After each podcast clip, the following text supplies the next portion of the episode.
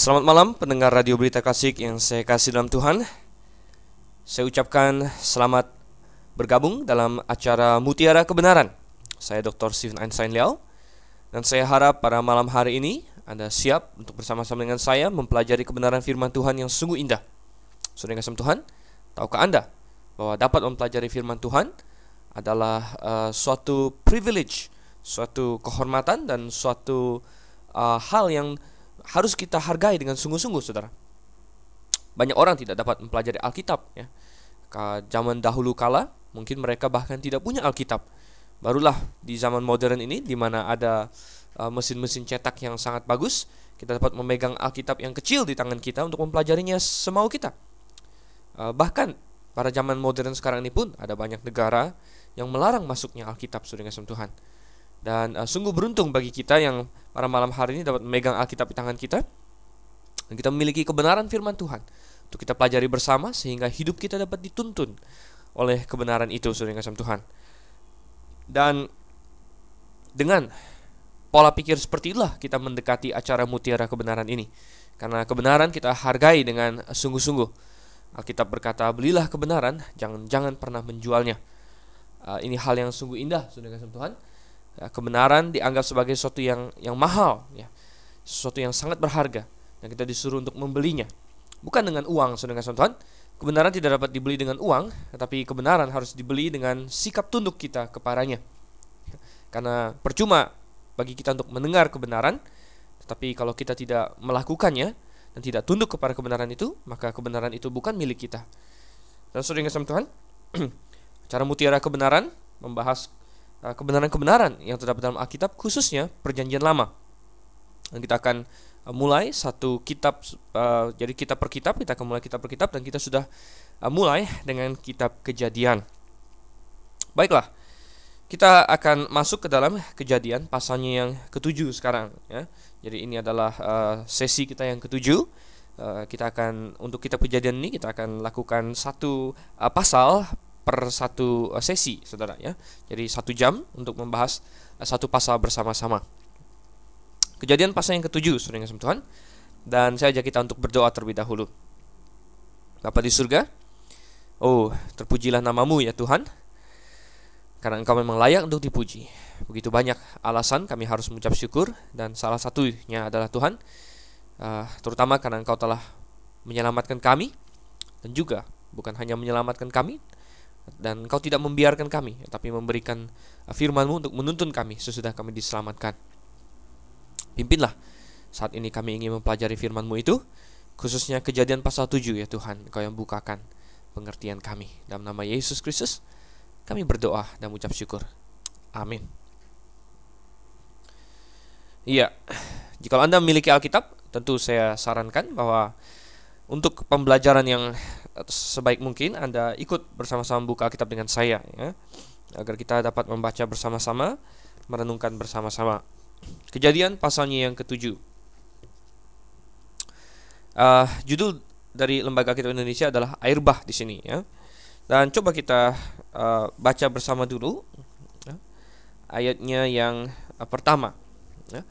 Lalu berfirmanlah Tuhan kepada Nuh, Masuklah ke dalam bahtera itu, engkau dan seisi rumahmu, sebab engkaulah yang kulihat benar di hadapanku di antara orang zaman ini. Sudah sama Tuhan, pasal 7 tentunya uh, berkaitan dengan pasal 6. Dan kalau Anda masih ingat di pasal 6, kita melihat keadaan bumi yang begitu bobrok. Ya. Uh, bahkan di pasal 6 ayat yang kelima, bahwa kejahatan manusia besar di bumi. Dan segala kecenderungan hatinya selalu membuahkan kejahatan semata-mata. Ah, kita bisa membayangkan betapa jahatnya dunia saat itu.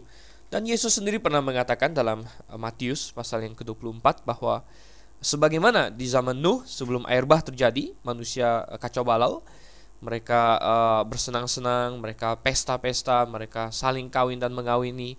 Demikianlah nanti keadaan manusia di akhir zaman, Saudara. Dan kita melihat ada tren ke arah kejahatan yang semakin besar juga di dunia kita sekarang. Ada tren ya uh, ke arah bahwa dunia semakin kacau ya. Dan kita bisa membayangkan pada waktu itu ya uh, seperti apa.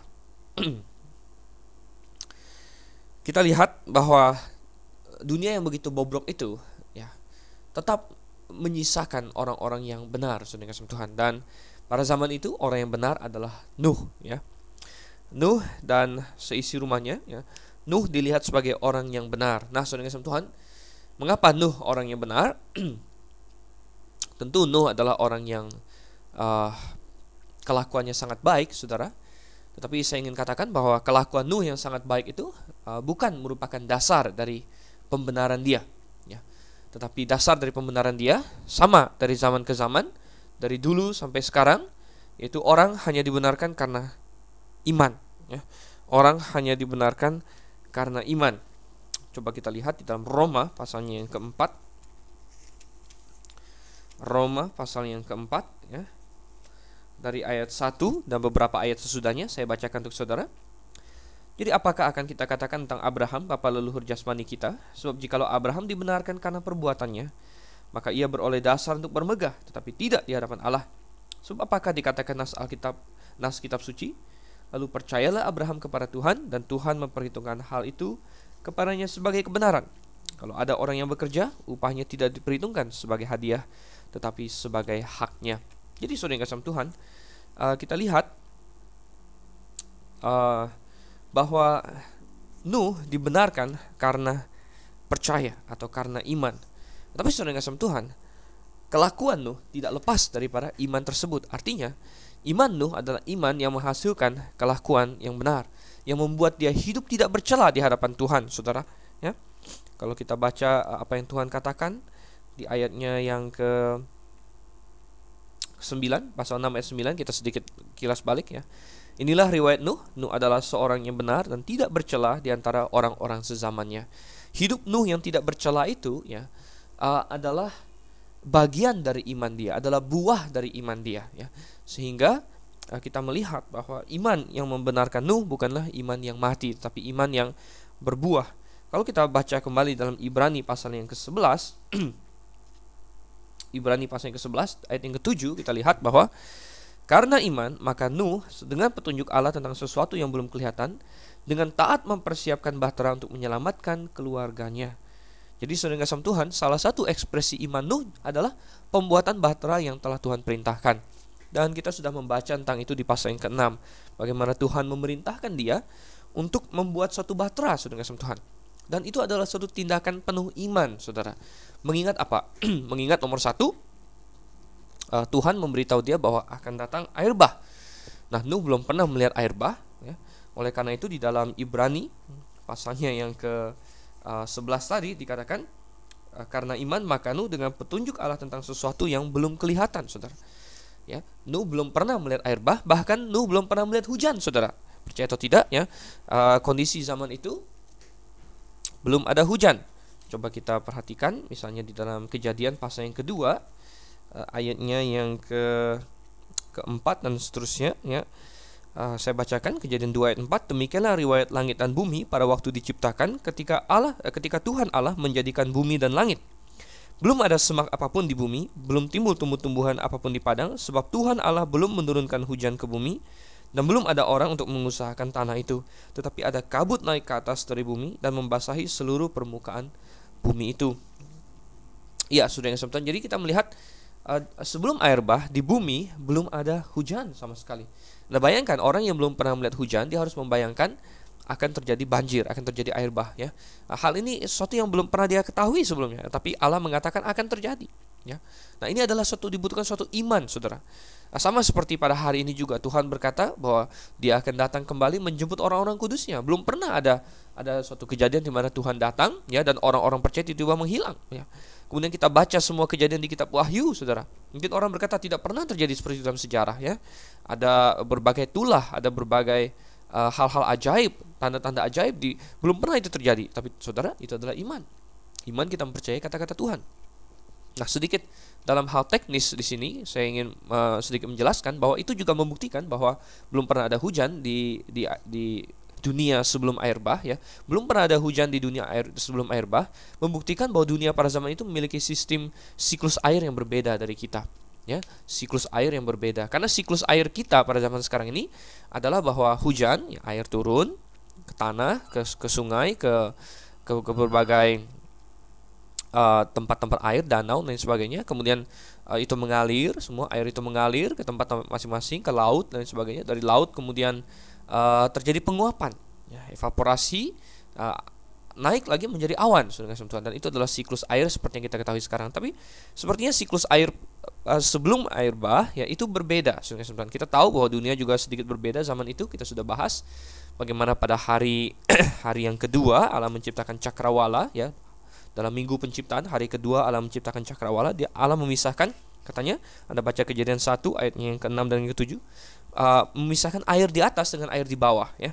Nah, air di bawah kita tahu adalah lautan, uh, danau, sungai dan sebagainya ya. Sedangkan air di atas itu apa? Nah, air di atas itu pada zaman dunia sebelum air bah kita percaya ada kanopi air, Saudara Tuhan. Ada kanopi air, bukan awan tetapi atmosfer yang seperti kita kenal sekarang berbeda pada zaman sebelum air bah di mana ada satu lapis atmosfer yang adalah air, uap air, sepenuhnya uap air Saudara Tuhan ya. Jadi langit tetap cerah karena uap air itu bisa tembus pandang, ya tetap bisa melihat matahari, tetap bisa melihat uh, bulan dan bintang, tapi adanya satu lapis uh, uap air di situ berarti bahwa atmosfer bumi penuh berisi dengan air sebenarnya ya. Ada satu lapis yang penuh berisi dengan air. Dan uh, lapisan itu juga yang mencegah uh, banyak sekali mungkin pengaruh-pengaruh radiasi yang buruk dari matahari dan sebagainya sehingga um, orang pada zaman itu juga hidupnya sangat panjang dengan Tuhan. Nah, oke, okay, kita sudah melihat sisi teknisnya. Uh, yang jelas, uh, Nuh adalah seorang yang beriman kepada Tuhan. Ya, Nuh adalah seorang yang beriman kepada Tuhan. Oleh karena itu Tuhan melihat dia sebagai seorang yang benar. Ya, dan uh, berapa tahun dia dia membuat bahtera ini saudara kira-kira 100 tahun dia ya minimal 100 tahun dia sudah membuat bahtera ini dan uh, selama 100 tahun itu ya uh, dia terus berkhotbah kepada orang-orang sezaman dia. Hal ini kita ketahui dari uh, berbagai ayat seperti dalam 2 Petrus pasalnya yang kedua ayatnya yang ke ke kelima ya bahwa dikatakan di situ jikalau Allah tidak menyayangkan dunia purba tetapi hanya menyelamatkan Nuh pemberita kebenaran itu jadi Nuh disebut sebagai apa? Pemberita kebenaran. Dalam 2 Petrus pasal yang kedua ayat yang kelima Nuh disebut sebagai pemberita kebenaran saudara. Artinya Nuh ya memberitakan kebenaran kepada orang-orang sezamannya. Saya dapat membayangkan bahwa dalam bertahun-tahun dia bekerja membangun bahtera itu banyak orang yang akan mengejek dia.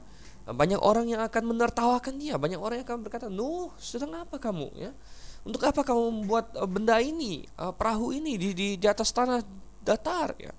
Dan mereka uh, sangat mengolok-olok dia. Tetapi Nuh tentunya akan uh, terus ya dan dia akan berkhotbah dia akan memberitakan kebenaran dia akan menyatakan bahwa tindakan mereka adalah tindakan yang jahat saudara. Dan uh, ternyata tidak ada yang uh, mengindahkan Nuh itu.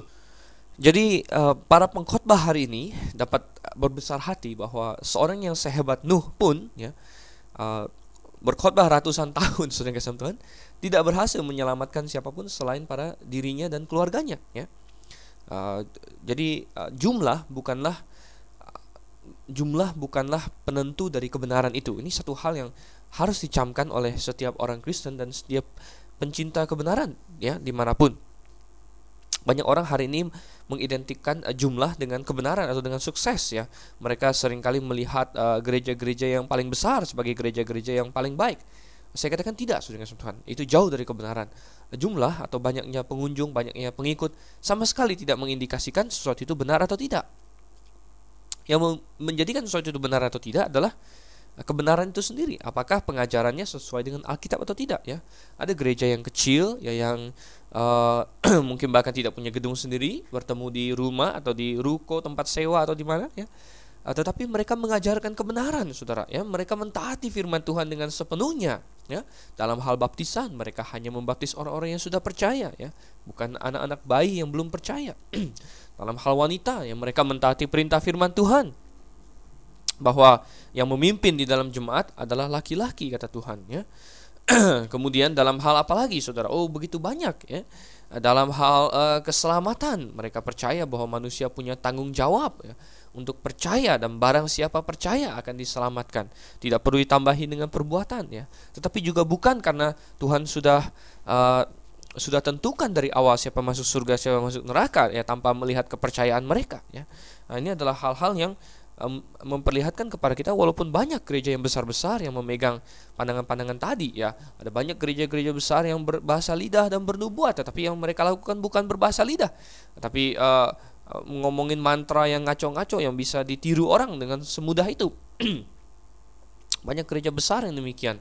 Uh, kebanyakan dunia hari ini menggunakan musik-musik rock yang musik-musik pop ya untuk memuji Tuhan ya tetapi itu tidak bukanlah kebenaran. Nah, kebenaran tidak dihitung berdasarkan jumlah.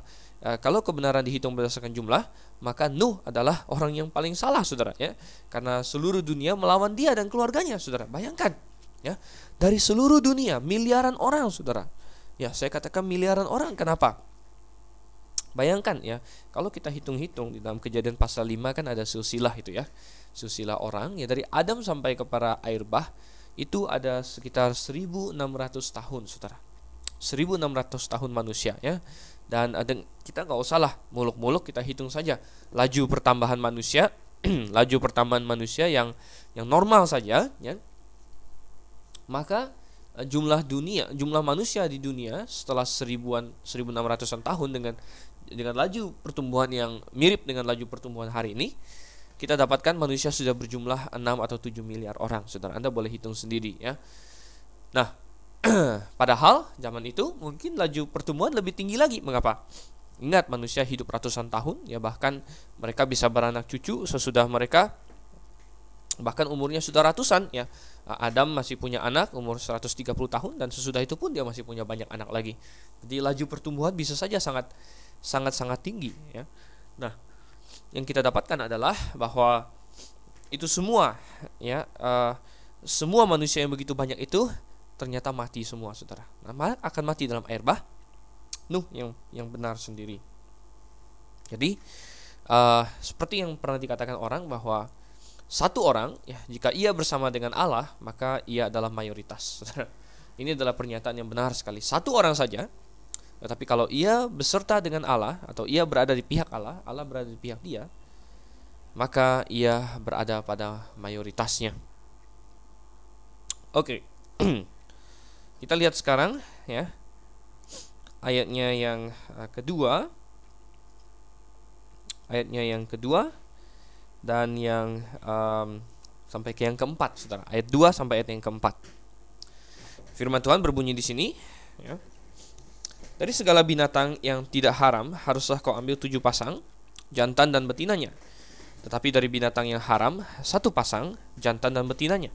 Juga dari burung-burung di udara, tujuh pasang, jantan dan betina, supaya terpelihara hidup keturunannya di seluruh bumi.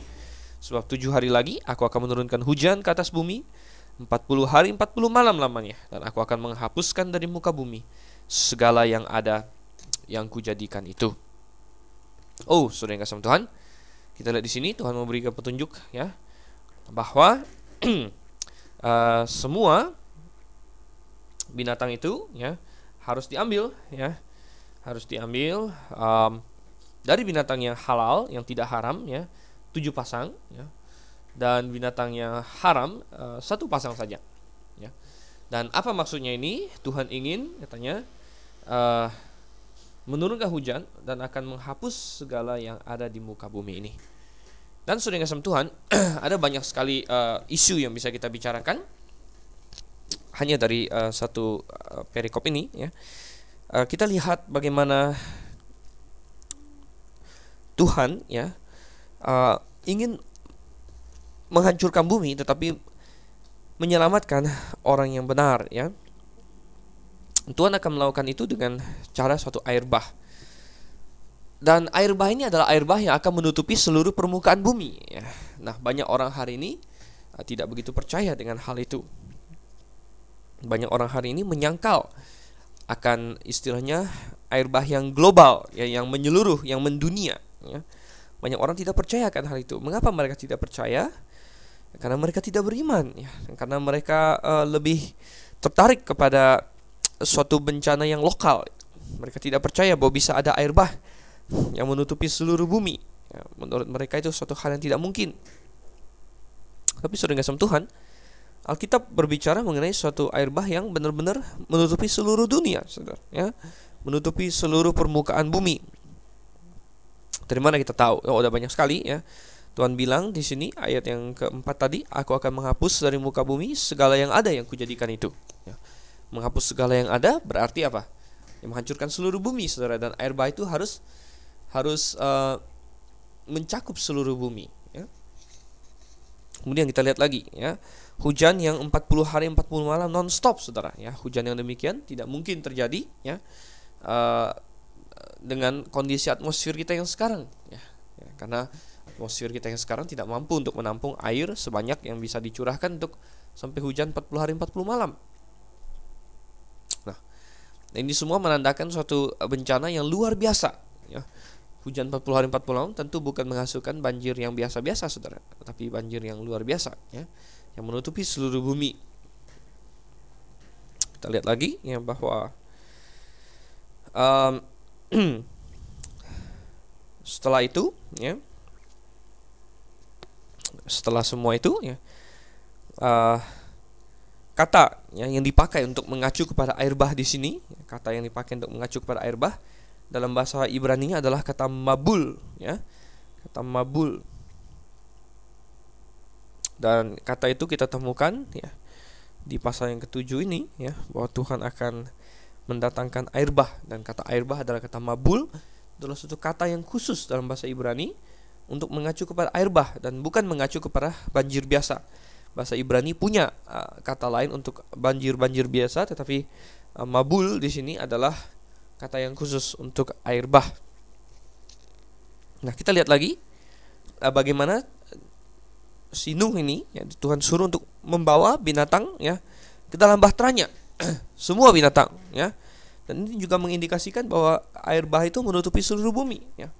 Karena apa? Kalau tidak menutupi seluruh bumi maka jauh lebih mudah bagi binatang untuk melarikan diri ke tempat lain ya melarikan diri ke tempat lain ya. nah kita lihat saudara kasih Tuhan tetapi nyatanya uh, Nuh disuruh untuk membawa binatang-binatang itu dan satu pasang dari setiap binatang ya dan tujuh pasang untuk yang tidak haram ya dan sebenarnya uh, hitungan haram dengan halal itu baru akan dispesifikkan oleh Tuhan uh, pada penurunan hukum Taurat, Saudara. Tapi rupanya pada zaman Nuh pun manusia sudah punya ide tentang yang haram dan yang halal ya. Nah, tentu saja mungkin yang halal itu adalah binatang-binatang yang uh, yang cocok untuk dipakai persembahan kepada Tuhan ya. Itu adalah binatang-binatang yang dianggap halal waktu itu. Nah, tentunya kita harus ingat bahwa uh, setelah nanti hukum Taurat diturunkan, Tuhan akan mendefinisikan secara jelas yang mana yang haram dan yang mana yang halal. Tetapi bahwa perbedaan antara yang haram dengan yang halal itu ditiadakan pada zaman perjanjian baru, saudara. Ditiadakan pada zaman perjanjian baru. Coba kita baca beberapa ayat untuk melihat hal ini. Bahwa dalam perjanjian baru tidak ada lagi yang haram dan yang halal. Ya. Um, kita bisa lihat banyak banyak hal. Ya kita bisa lihat di dalam kisah para rasul pasal yang ke-10 ya. Pasal kisah rasul pasal yang ke-10 kita lihat ya. Mulai dari ayat 11 ya. Tampaklah olehnya, maksudnya adalah Petrus, ya tampaklah olehnya langit terbuka dan turunlah suatu benda berbentuk kain lebar yang bergantung pada keempat sudutnya yang diturunkan ke tanah. Di dalamnya terdapat berbagai jenis binatang berkaki empat, binatang menjalar dan burung, kedengaranlah olehnya suatu suara yang berkata, "Bangunlah hai Petrus, sembelilah dan makanlah." Tapi Tuhan menjawab, "Tidak, Tuhan, tidak, sebab aku belum pernah makan sesuatu yang haram dan yang tidak tahir." Kedengaran pula untuk kedua kalinya suara yang berkata kepadanya, "Apa yang dinyatakan halal oleh Allah tidak boleh engkau nyatakan haram." Hal ini terjadi sampai tiga kali dan segera sudah itu terangkatlah benda itu ke langit. Jadi kita lihat bahwa um, apa yang terjadi itu ya uh, Tuhan meng mengimpress ya Tuhan menanamkan kepada pikiran Petrus bahwa tidak ada lagi yang haram di mata Tuhan ya. Hal yang sama kita dapat temukan dalam 1 Korintus pasal yang ke-6. Kita buka sedikit 1 Korintus pasal yang ke-6 katakan segala sesuatu halal bagiku tetapi bukan semuanya berguna. Segala sesuatu halal bagiku tetapi aku tidak membiarkan diriku diperhamba oleh suatu apa pun. Jadi jelas Tuhan menyatakan bahwa tidak ada lagi benda yang haram ya. Nah, tentu tidak berarti bahwa kita bisa makan segala-galanya ya karena Tuhan juga katakan tidak semuanya berguna dan tidak uh, aku tidak membiarkan diriku dikuasai oleh siapa apa pun ya eh, benda-benda yang merusak tubuh ya yang membuat kita berada di bawah kuasanya seperti rokok ya uh, narkotika ya alkohol dan sebagainya itu adalah hal-hal yang tidak boleh dimakan atau dikonsumsi oleh orang Kristen bukan karena itu bersifat ha haram saudara ya bukan bersifat haram tetapi karena hal-hal uh, itu merusak tubuh dan menguasai tubuh kita nah apa bedanya sesuatu yang di, di, dihindari karena haram dengan sesuatu yang dihindari karena itu tidak berguna dan karena itu merusak tubuh, saudara. Bedanya adalah begini, kalau misalnya narkotika haram, ya, maka dalam kondisi apa pun saya tidak boleh uh, menyentuhnya bahkan atau mengkonsumsinya. Tetapi kita tidak konsep Kristen bukanlah bahwa narkotika itu haram, tapi narkotika menggunakan narkotika untuk merusak tubuh adalah dosa, ya. Uh, tetapi narkotika untuk obat ya itu adalah hal yang diperbolehkan. Contohnya adalah uh, dokter yang menyuntik pasien dengan morfin uh, pasien-pasien kanker misalnya yang sudah kesakitan sekali kadang-kadang disuntik morfin saudara ya nah itu adalah narkotika sebagai obat ya narkotika sebagai obat ya itu adalah suatu hal yang sah ya uh, itu boleh karena itu memang berguna untuk untuk uh, penyembuhan tubuh itu sendiri saudara ya nah kalau narkotika itu haram maka uh, untuk obat pun tidak boleh Ya, nah ini bedanya, saudara. Jadi uh, konsep Kristen bukanlah konsep haram halal lagi, tetapi konsep apakah hal itu menguasai saya? Tentu saya katakan bahwa orang yang mencoba ekstasi dan lain sebagainya itu adalah hal yang sangat berdosa di mata Tuhan. Ya, saya bukan uh, mengizinkan orang untuk mencoba-coba narkotika di sini ya. Itu adalah hal yang salah, hal yang sangat berdosa, hal yang ditentang oleh Alkitab. Tetapi bukan karena itu haram, melainkan karena itu adalah suatu dosa di mata Tuhan untuk merusak tubuh untuk uh, menjadi kecanduan jadi kita berada di bawah kuasa suatu suatu zat ya dan untuk kehilangan pikiran kita karena zat tersebut. Jadi Anda harus bisa bedakan antara konsep haram dengan halal yang Tuhan nyatakan di dalam perjanjian lama dengan konsep Kristiani di mana Tuhan bilang semuanya halal. Semua halal lalu boleh nggak saya makan segala sesuatu? Ya tidak juga ya. Um, ada hal-hal yang orang Kristen ya kalau mengkonsumsi itu maka itu adalah dosa. Ya karena apa? Ya, karena itu merusak tubuh karena karena lain sebagainya. Oke jadi kita lihat ya tentang haram dan halal ya. Dan coba kita baca lagi ayat yang kelima sampai ayat yang kesembilan. Dikatakan situ ayat 5 hingga ayat yang ke-9 ya lalu Nuh melakukan segala yang diperintahkan Tuhan kepadanya. Nuh berumur 600 tahun ketika air bah datang meliputi bumi. Masuklah Nuh ke dalam bahtera yang itu bersama-sama dengan anak-anaknya dan istrinya dan istri anak-anaknya karena air bah itu. Dari binatang yang tidak haram dan yang haram, dari burung-burung dan segala yang merayap di muka bumi, datanglah sepasang mendapatkan Nuh ke dalam bahtera itu jantan dan betina seperti yang diperintahkan Allah kepada Nuh. Oke, kita lihat uh, lanjutan ceritanya ya bahwa ayat kelima menunjukkan ketaatan dari Nuh ya, dan bagaimana dia melakukan katanya segala yang diperintahkan Tuhan kepadanya. Ya, cetusan dari iman adalah ketaatan. Ya, uh, sungguh mengherankan kalau hari ini ada orang yang berkata saya percaya kepada Yesus. Ya, saya beriman kepadanya, namun dia dengan sengaja uh, melanggar perintah Tuhan. Ya, itu adalah hal yang sangat indah, uh, sangat sangat heran ya, sangat heran bukan indah ya, sangat heran, sangat uh, membingungkan dan menunjukkan ada yang tidak beres, ada suatu ketidakkonsistenan. Siapa tahu dia hanya ngomong di mulut saja dia beriman atau dia percaya ya, padahal tidak ada kenyataannya. Nah, iman Nuh terlihat dari ketaatan dia, dia melakukan tepat seperti yang Tuhan perintahkan ya. Dan kita dicatatkan bahwa Nuh berumur 600 tahun waktu air bah datang yang mabul itu datang untuk menerpa bumi ya. Dan kita lihat pada hari itu pada hari datang itu ya bahwa Nuh ya, masuk ke dalam bahtera itu bersama-sama dengan anak-anaknya dan istrinya dan istri anak-anaknya karena air bah itu ya. Dan uh, sebelumnya di ayat yang ke empat Tuhan sudah peringatkan tujuh hari lagi akan datang ya tujuh hari lagi akan datang air bah. Dan pada ayat yang ke-6 di situ ketika datang maka mereka masuk ke dalam bahtera itu ya. Mereka masuk ke dalam bahtera ya.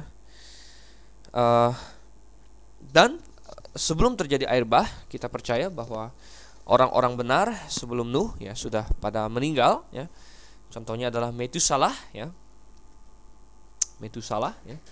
Uh, adalah orang yang paling tua umurnya di bumi dan dia meninggal. Kita percaya ya uh, sebelum air bah ya.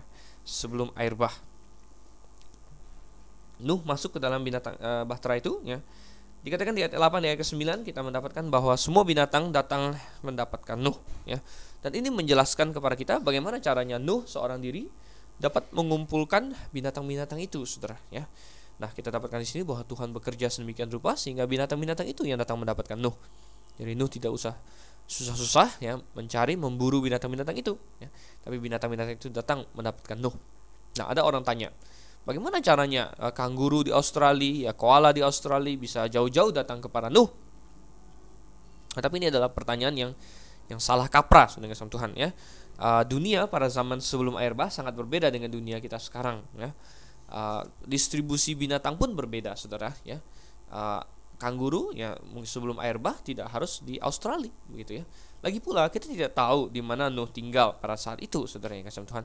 Banyak orang memperkirakan Nuh tinggal di daerah timur tengah padahal tidak tidak tidak benar demikian ya. Tidak ada satu indikasi pun yang dapat memberitahu kita di mana Nuh tinggal saat itu. Ya bisa saja Nuh tinggal di Amerika bisa saja Nuh tinggal di uh, Asia bisa saja Nuh tinggal di Eropa ya tidak tidak kita tidak sama sekali tidak tahu letaknya di mana Nuh. Lagi pula terjadi perubahan kontur bumi yang hebat ya uh, selama air bah uh, sehingga tempat ya sungai ya bahkan danau dan sebagainya pasti banyak berubah. Gunung-gunung juga banyak yang berubah sudah kasih Tuhan setelah air bah. Nah, binatang-binatang itulah yang datang menghampiri Nuh. Tuhan gerakkan mereka Nah, seperti yang Anda tahu bahwa binatang biasanya paling dahulu tahu kalau ada bencana mau melanda ya. Ketika tsunami mau menghantam Aceh beberapa tahun yang lalu ya, uh, kita semua sempat membaca bahwa binatang-binatang sudah resah duluan dan banyak yang lari ke tempat tinggi ya. Demikian juga ada kalau ada gempa bumi akan ada gempa bumi biasanya binatang yang terlebih, terlebih dahulu tahu duluan ya. Nah, uh, adanya air bah yang akan Tuhan kirim ya tentu Tuhan secara universe uh, secara uh, supranatural juga mengintervensi dan uh, binatang-binatang ini semuanya Tuhan suruh mereka datang kepada Nuh dan katanya mereka masuk ke dalam bahtera itu. Nah, uh, banyak sekali orang yang telah meragukan uh, catatan ini dan mereka bertanya bagaimana caranya semua binatang di bumi ini bisa muat ke dalam bahtera Nuh, kasih Tuhan. Tetapi ini bukanlah hal yang aneh, saudara ya. Kalau kita melihat dimensi dari dimensi dari perahunya Nuh ya atau bahtera yang dibuat Nuh itu adalah suatu bahtera yang sangat besar sekali ya sangat besar sekali. Um, panjangnya saja adalah berapa? Kita lihat di pasal yang ke-6 ya 300 hasta panjangnya saudara ya. Kira-kira 150 meter ya. 150 meter itu adalah panjang sekali lebih panjang daripada uh, lapangan sepak bola ya kemudian tingginya, kemudian lebarnya. Oh, saudara, ini adalah perahu yang besar sekali. Bahkan perahu tidak ada manusia yang bisa membuat perahu sebesar itu sampai uh, saat ini baru bisa ditandingi. Zaman modern ya ketika manusia sudah mulai menemukan atau membuat perahu dari dari logam ya. Uh, perahu kayu tidak ada yang bisa dibuat sampai sebesar itu dan teknologi yang uh, pakai tentunya teknologi yang luar biasa sekali saudara ya nah, sekali lagi saya ingin mengingatkan bahwa manusia zaman dahulu itu bukan bodoh-bodoh mereka sangat pintar ya. Sangat pintar ya. Bahkan mereka mungkin jenius-jenius ya. Dan teknologi yang dipakai oleh Nuh membangun uh, bahtera ini luar biasa ya. uh, dan bahtera yang begitu besar ini ya sudah kita uh, perkirakan sudah dihitung-hitung ya um, dapat memuat katanya ya sekitar 120 ribu ekor uh, apa domba saudara ya. Dapat mengangkut sekitar 120 ribu ekor domba ya. Nah ini sudah kita hitung ya. Uh, sedangkan binatang saudara Tuhan binatang itu rata-rata lebih kecil dari domba ya.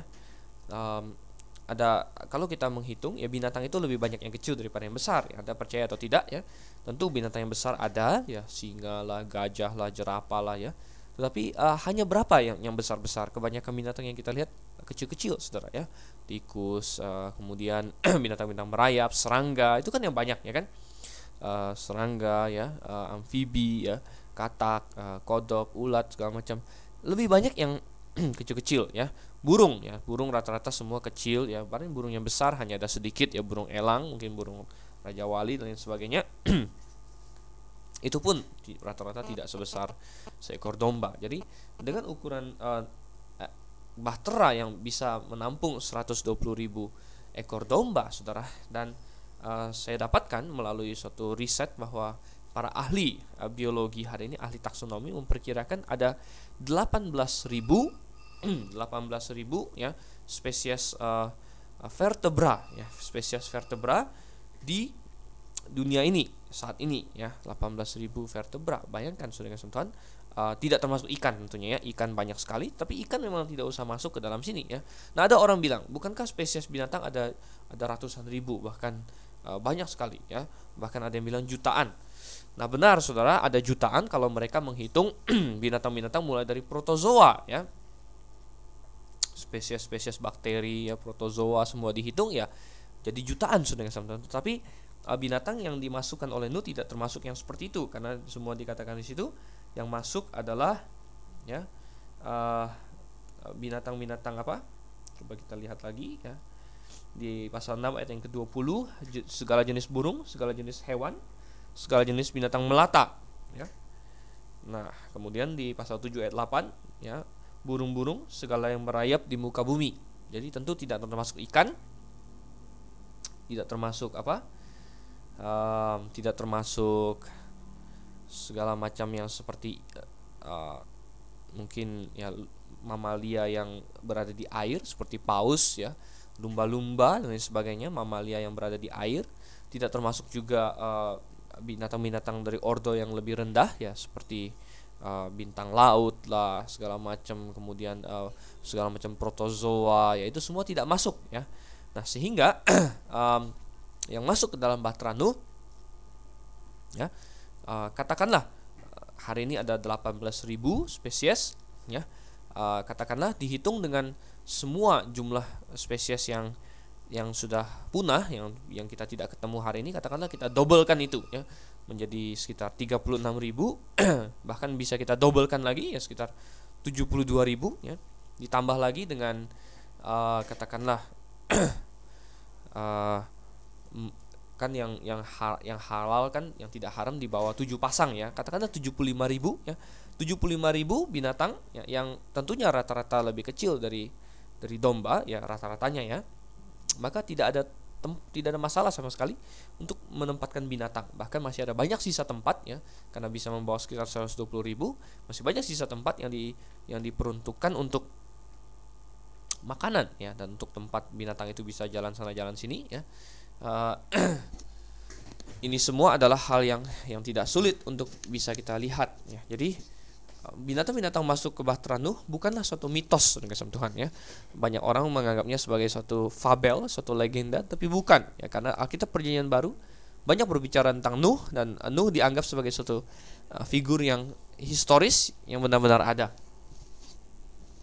Oke.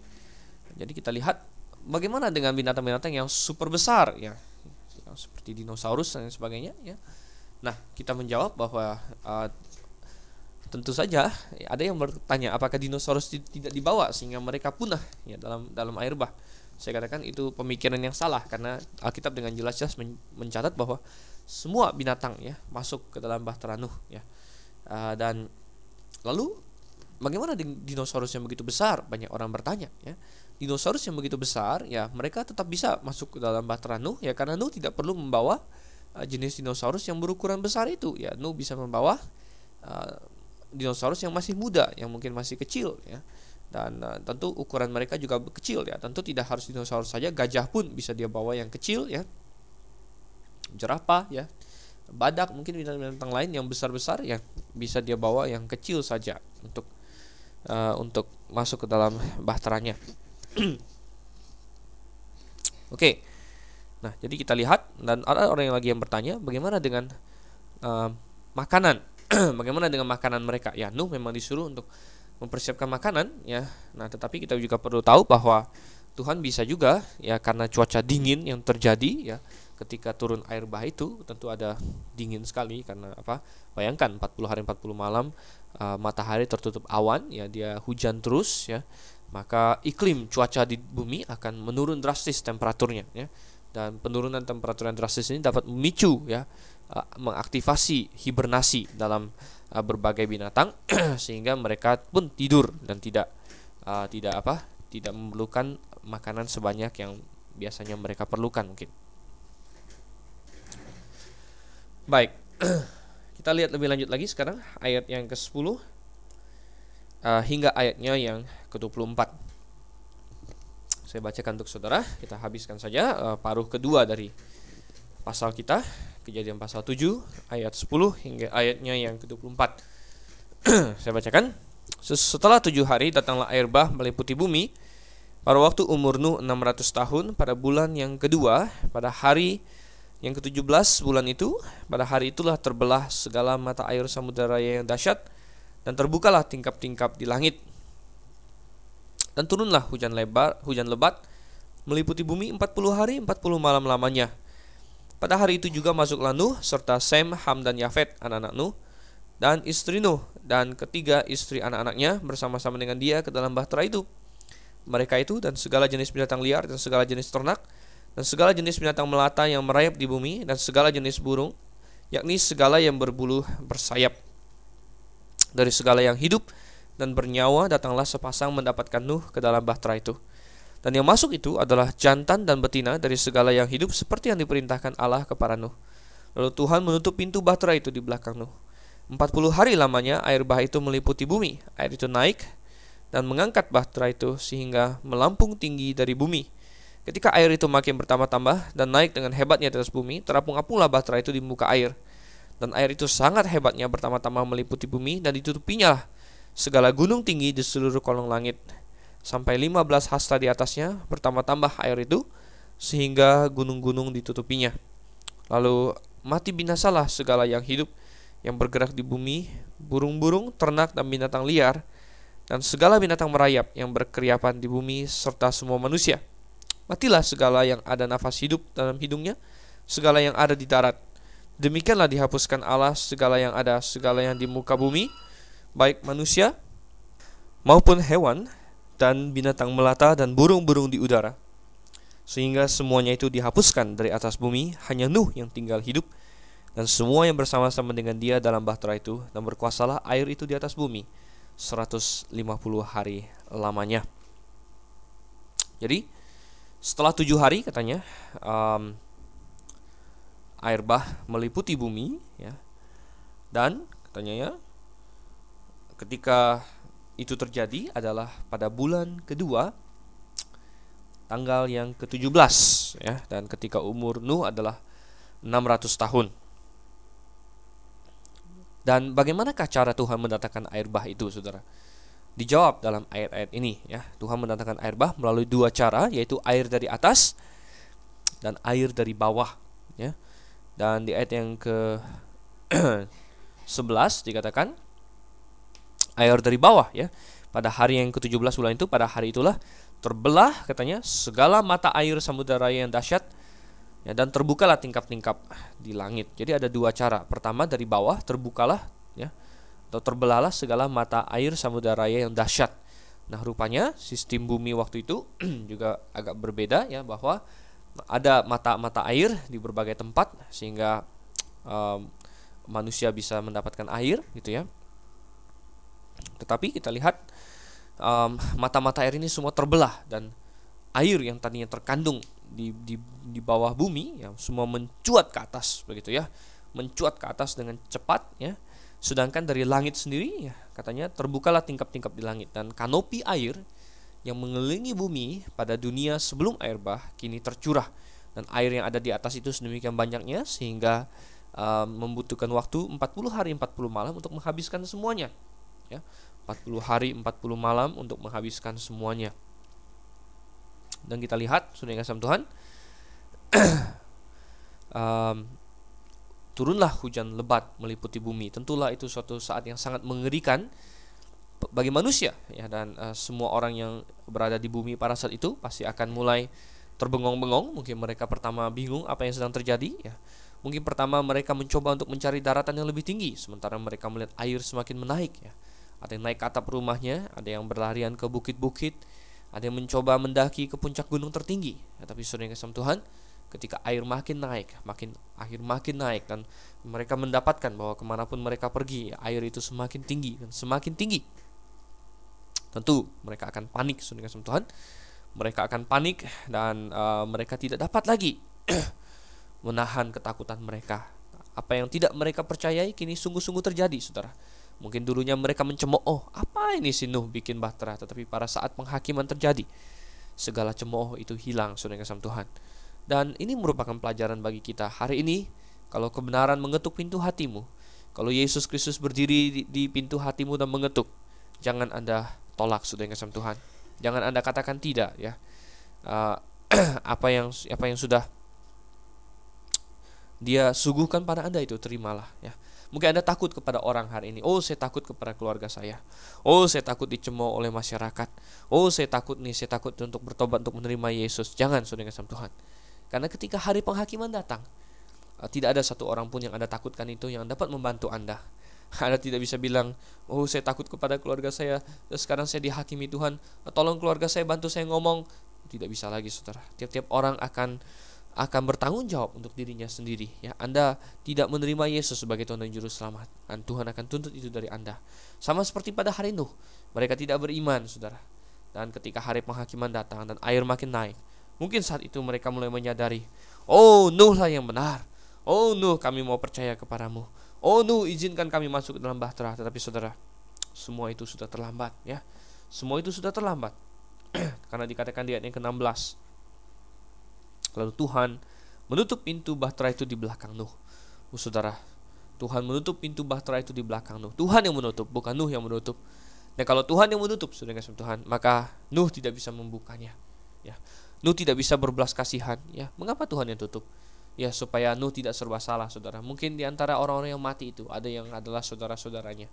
Ada yang masih sanak familinya, relatifnya, saudara. Mereka akan berteriak-teriak kepada Nuh, Nuh tolong kami bukakan pintu.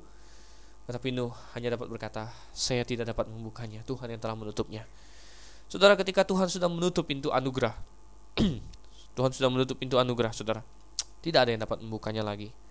Ketika kesempatan berlalu, apakah dengan maut yang menjemput, apakah dengan kedatangan Tuhan yang kedua, di mana uh, waktu penghakiman sudah tiba, ataukah uh, kesempatan yang sudah berlalu yang tidak dapat kembali lagi. Saudara, ketika pintu anugerah sudah tertutup, Anda tidak akan bisa masuk lagi. Oleh karena itulah di dalam Alkitab selalu dikatakan bahwa hari inilah hari keselamatan itu.